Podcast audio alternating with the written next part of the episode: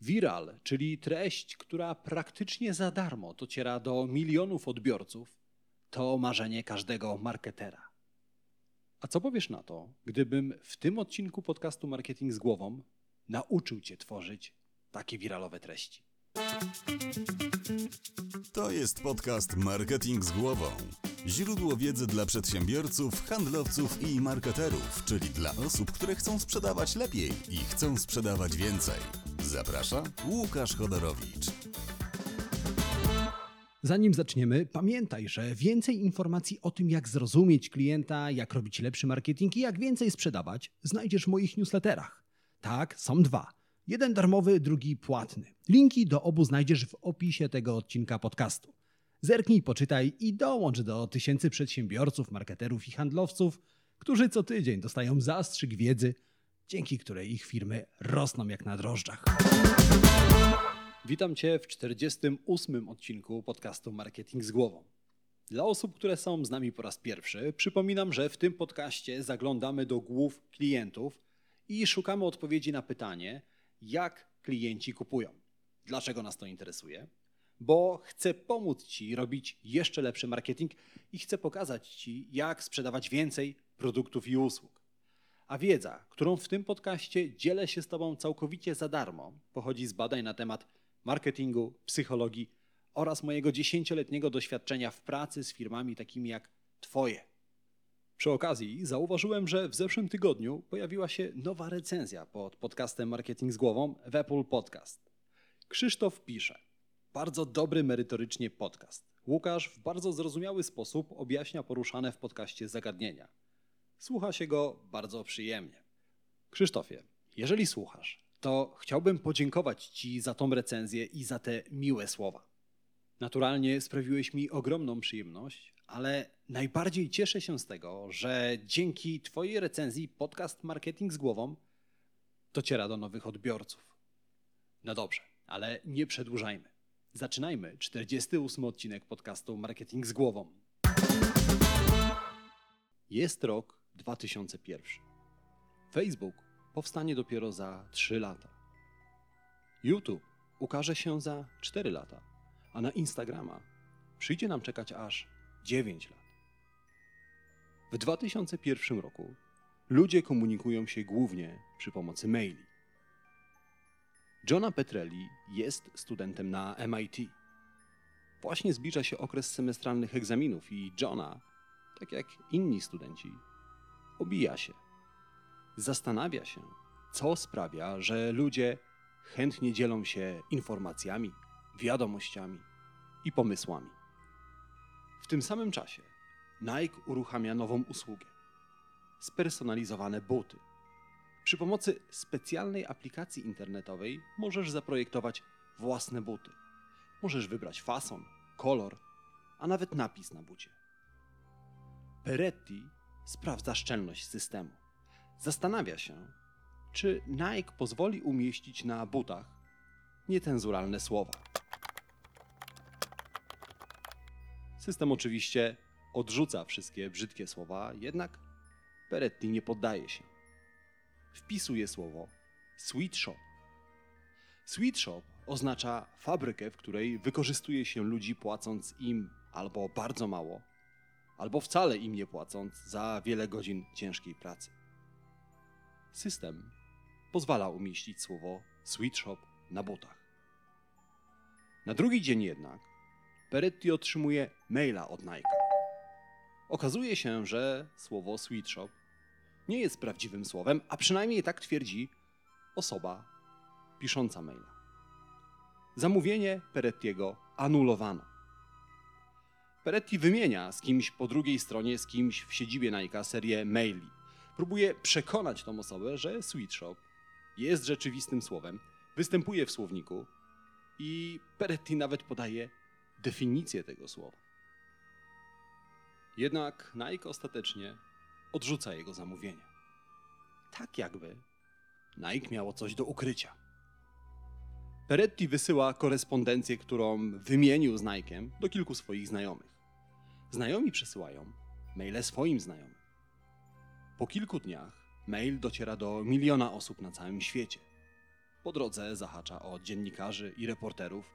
W efekcie trafia na pierwsze strony gazet. Cały świat dowiaduje się, że Nike nie akceptuje słowa sweatshop, a to stawia markę w niekorzystnym świetle. Johna Petrelli staje się sławny. W roku 2001 nie istnieje jeszcze słowo viral, jednak internetowi archeolodzy korespondencję pomiędzy Perettim a Nike'em nazywają pierwszym wiralem. Wiralem, czyli treścią wirusową, taką, która rozchodzi się w niemal niekontrolowany sposób. Dziś informacja dotarła do 10 osób, jutro do 10 tysięcy, a za tydzień do 10 milionów. Wiralem może stać się niemal wszystko: post, reklama, produkt, a nawet pomysł. Johna Peretti stworzył pierwszego wirala przypadkowo. Absolutnie tego nie planował. Jego korespondencja z Nike'em wymknęła się spod kontroli. Jednak wirale można projektować. Dziś Johna Peretti jest właścicielem portalu BuzzFeed, który zajmuje się produkcją treści wiralowych. Kanał BuzzFeeda na YouTubie ma ponad 20 milionów subskrybentów i tysiące wiralowych filmów. Jednak zanim nauczymy się projektować wirale, zastanówmy się, dlaczego w ogóle warto je tworzyć. Kto wynalazł żarówkę? Thomas Edison, prawda? Tak przynajmniej uczymy się w szkole. Jednak czy aby na pewno? Thomas Edison był przedsiębiorcą i kapitalnym marketerem. Doskonale rozumiał prawa rynku. Na swoim koncie ma sporo wspaniałych i pomocnych patentów, wynalazków. Jednak większość pomysłów Edison podpatrywał od innych wynalazców i patentował pod swoim nazwiskiem. Z drugiej strony mamy Nikolaja Tesla, naukowca i wynalazcę z krwi i kości, który co prawda nie zna się na biznesie, jednak jest absolutnym geniuszem w dziedzinie fizyki i matematyki. W pewnym momencie Tesla pracuje dla Edisona. Tesla i Edison ostatecznie rozstają się w kłótni. Jednak zanim ich drogi się rozchodzą, Tesla opracowuje prototyp pierwszej żarówki. Nie umie jednak zaprezentować pomysłu szerszej publiczności. Edison wykorzystuje to i przedstawia żarówkę jako swój pomysł. Zanim fani Thomasa Edisona rzucą się na mnie z kamieniami i z widłami, pozwólcie, że coś wyjaśnię. Ta historia nie dowodzi tego, że Edison wynalazł jedynie plagiat. Dowodzi tego, że nawet najlepszy produkt, nawet najlepszy pomysł nie gwarantuje sukcesu, jeżeli nie rozprzestrzenia się. Microsoft Surface to tablet od Microsoftu. Nie zdobył jednak popularności pomimo imponujących parametrów. Ostatecznie przegrał walkę z iPadem. Ford Edsel miał być samochodem dla średnio zamożnych Amerykanów. Bezpiecznym, o wytrzymałym silniku i bogatym wyposażeniu. Okazał się klapą, która kosztowała Forda 350 milionów dolarów i niemal nie zrujnowała firmy. Segway, czyli połączenie hoverboarda i hulajnogi. Dwukołowy pojazd z kierownicą. Miał wprowadzić rewolucję w transporcie publicznym. Jednak tej rewolucji nie wprowadził. Gdyby tak było, dziś dojeżdżałbyś do pracy Segwayem, a przynajmniej mijałbyś go na chodniku. Mógłbym tak mnożyć przykłady dobrych pomysłów, kapitalnych produktów, które umarły albo dogorywają w samotności, ponieważ nie rozprzestrzeniły się. Chcę Ci jednak uświadomić, że nawet najlepszy produkt, nawet najlepszy pomysł, najlepsza idea nie osiągnie sukcesu, jeżeli nie usłyszą o niej inni ludzie. To jeden mocny argument, który przemawia za tym, że powinieneś przyjrzeć się wiralom. Drugi jest taki, że viral to darmowy nośnik reklamy. Gdy viral załapie, wymyka się spod kontroli, tak jak w przypadku Johna Perettiego. Nie sposób go zatrzymać i w efekcie dociera do milionów ludzi na całym świecie. Praktycznie za darmo. Ludzie na ogół sądzą, że wirale to naturalne twory. tak jak sople zwisające z dachu w zimowy dzień. Powstają w sposób niekontrolowany. Nie da się ich zaplanować, nie da się ich przewidzieć. Są całkowicie przypadkowe. Jednak wiral można zaprojektować. Musisz jednak poznać trzy uniwersalne cechy wirala. Jeszcze do niedawna w Filadelfii znajdowała się pizzeria Rosas Fresh Pizza. Założył ją niejaki Mason Wortman. Restauracja była inna niż wszystkie. Na ścianach, zamiast obrazów włoskich dań, pomidorów czy makaronów, znajdowały się przyklejone kolorowe, samoprzylepne karteczki. Mason kilka lat wcześniej odszedł z pracy w korporacji. W bezdusznej, korporacyjnej maszynie był jednym z wielu, jednym z wielu trybików. Pewnego dnia postanowił coś zmienić w swoim życiu i w życiu innych. I tak powstała idea taniej pizzerii w Filadelfii. Dla najbiedniejszych, dla najbardziej potrzebujących. Mason sprzedawał pizzę na kawałki. Jeden kawałek kosztował dolara. Jednak Mason szybko odkrył, że w okolicy są ludzie jeszcze biedniejsi. Bezdomni, bez pracy, chorzy, których kompletnie nie stać na zakup jedzenia. Dla których nawet pizza, kawałek pizzy za jednego dolara wydawał się czymś nieosiągalnym. Wtedy Mason zaproponował swoim klientom zakup jeszcze jednego kawałka pizzy dla tych najbiedniejszych. W zamian za jednego dodatkowego dolara każdy mógł kupić dodatkowy kawałek pizzy dla kogoś, kogo na tą pizzę nie stać. Następnie Mason przyklejał na ścianie kolorową karteczkę z imieniem osoby, która kupiła dodatkowy kawałek pizzy. Bezdomny przychodził do restauracji, zrywał karteczkę ze ściany i w zamian dostawał kawałek pizzy.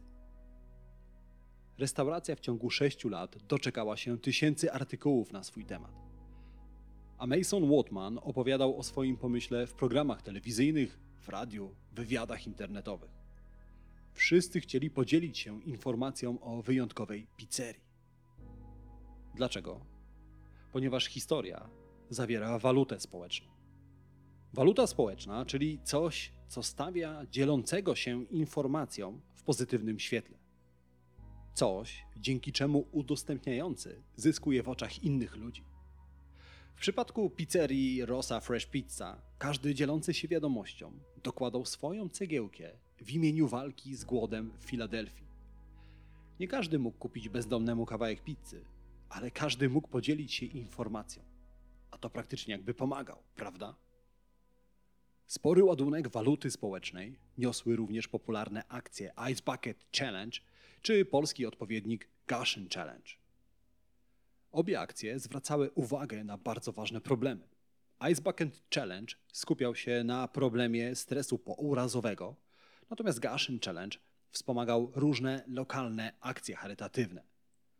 Każda osoba, która dzieliła się w internecie krótkim filmikiem, na którym bohater oblewał się zimną wodą lub robił pompki, zyskiwała w oczach znajomych. Stawała się osobą, która wspiera słuszne idee i słuszne sprawy. I takimi treściami ludzie chcą się dzielić. Chcą być postrzegani przez innych jako dobrzy ludzie, jako ktoś, kto wspiera słuszną sprawę. A więc waluta społeczna to to coś w Twojej treści, w Twoim pomyśle, co stawia udostępniającego w pozytywnym świetle. Coś, co mówi o udostępniającym, że jest dobrym człowiekiem, wspiera słuszną ideę i słuszną sprawę. Waluta społeczna dramatycznie zwiększa szanse na to, że Twoja treść, Twój pomysł stanie się wiralem. Ale waluta społeczna to nie wszystko. Liczy się jeszcze wyczucie czasu. I wyczucie czasu jest drugą cechą dobrego wirala. Ludzie chcą dzielić się nowymi rzeczami, nowinkami. Nikogo nie kręci odgrzewany kotlet sprzed kilku miesięcy, a w przypadku wirala nawet sprzed kilku tygodni. Treści, którymi ludzie chcą się dzielić, muszą być aktualne albo muszą nawiązywać do aktualnych wydarzeń. W 2016 roku Brad Pitt rozstał się z Angeliną Jolie. W związku z tym medialnym wydarzeniem norweskie linie lotnicze uruchomiły kampanię pod tytułem Brat jest singlem. Kampania dotyczyła tańszych lotów z Oslo do Los Angeles, gdzie mieszka Brad Pitt. Większość wiralowych postów na Facebooku to właśnie odpowiedzi na aktualne wydarzenia sportowe, polityczne, z życia gwiazd. Na polskiej scenie kapitalnie z reakcjami na takie aktualne wydarzenia radzi sobie żywiec. Żywiec świetnie reaguje na wydarzenia zarówno z kraju, jak i zagranicy. Również Krakus, producent ogórków konserwowych, układa świetne historyjki z ogórkami w tle, nawiązujące bardzo często do aktualnych wydarzeń. Warto przyjrzeć się tym fanpage'om, warto przyjrzeć się tym markom poszukiwaniu inspiracji. Wcale nie gorzej w tej kwestii radzi sobie Lidl czy Biedronka. Takie reakcje, takie posty na aktualne wydarzenia to oczywiście nic innego jak real-time marketing. Jednak real-time marketing rzadko kiedy staje się wiralem, jeżeli występuje w oderwaniu od pozostałych cech, o których właśnie rozmawiamy. No dobrze, ale co to dla ciebie oznacza? Przede wszystkim tyle, że powinieneś trzymać rękę na pulsie. Śledź media, internet, radio, telewizję i reaguj natychmiast. Błyskawiczna reakcja wielokrotnie zwiększa szanse na to, że Twoja treść stanie się wiralem, a od czasu do czasu możesz nawet spróbować zakrzywić czasoprzestrzeń, tak jak niedawno zrobiła to marka Giuseppe. Kilka tygodni temu, a dokładnie w listopadzie 2021 roku, na fanpage'u marki Giuseppe pojawił się post, w którym admin tegoż fanpage'a skarży się, jak to ciężko prowadzi się fanpage mrożonej pizzy. Przy okazji jednak admin przepowiedział, jakie słowo za kilka godzin zostanie ogłoszonym młodzieżowym słowem roku. I co? I post staje się wiralem. Do dziś odbija się echem w internetowej dżungli. Ale ani waluta społeczna, ani nawet wyczucie czasu nie dadzą ci tego, co da ci trzecia cecha wirala. Johna Berger, autor książki Efekt wiralowy, przeanalizował tysiące internetowych artykułów, poszukując jednego czynnika wiralowych treści. Berger sprawdzał, którymi artykułami ludzie najczęściej się dzielą, które artykuły najchętniej komentują. Na podstawie swoich badań i analiz doszedł do wniosku, że ludzie po pierwsze chętniej dzielą się poradnikami, po drugie, że artykuły dotyczące zdrowia chętniej udostępniamy aniżeli artykuły o polityce. No ba. Ale najciekawsze było trzecie odkrycie. Okazało się, że najwięcej udostępnień i komentarzy miały artykuły niosące ładunek emocjonalny. Mówiąc inaczej, artykuły, które wywoływały strach, odrazę, radość, zaskoczenie. Okazało się, że wszystkie emocje dramatycznie zwiększają szanse na stworzenie wirala. Wszystkie poza jedną. Badania dowiodły, że smutek bardzo zaniża szanse na to, że artykuł stanie się wiralem i że ludzie zechcą się nim podzielić. Ludzie nie chcą dzielić się tym, co wzbudza smutek. Chętniej dzielimy się treściami wzbudzającymi pozytywne emocje. To właśnie z tego powodu wszystkie reklamy Allegro, a szczególnie te świąteczne, stają się takimi wiralowymi hitami. Przecież w tych reklamach jest cały miks pozytywnych emocji. Mamy radość, mamy zaskoczenie, mamy łzy wzruszenia. To są treści, którymi chcemy się dzielić. I na pewnym poziomie wszyscy zdajemy sobie z tego sprawę. To, że emocje zachęcają nas do dzielenia się treściami, nie jest czymś odkrywczym. Jednak rzadko kiedy zastanawiamy się, dlaczego tak się dzieje, dlaczego emocje sprawiają, że chcemy się nimi dzielić. Na szczęście naukowcy spieszą z pomocą. Badania sugerują, że tak naprawdę na co dzień wymieniamy się aż 90% naszych emocji.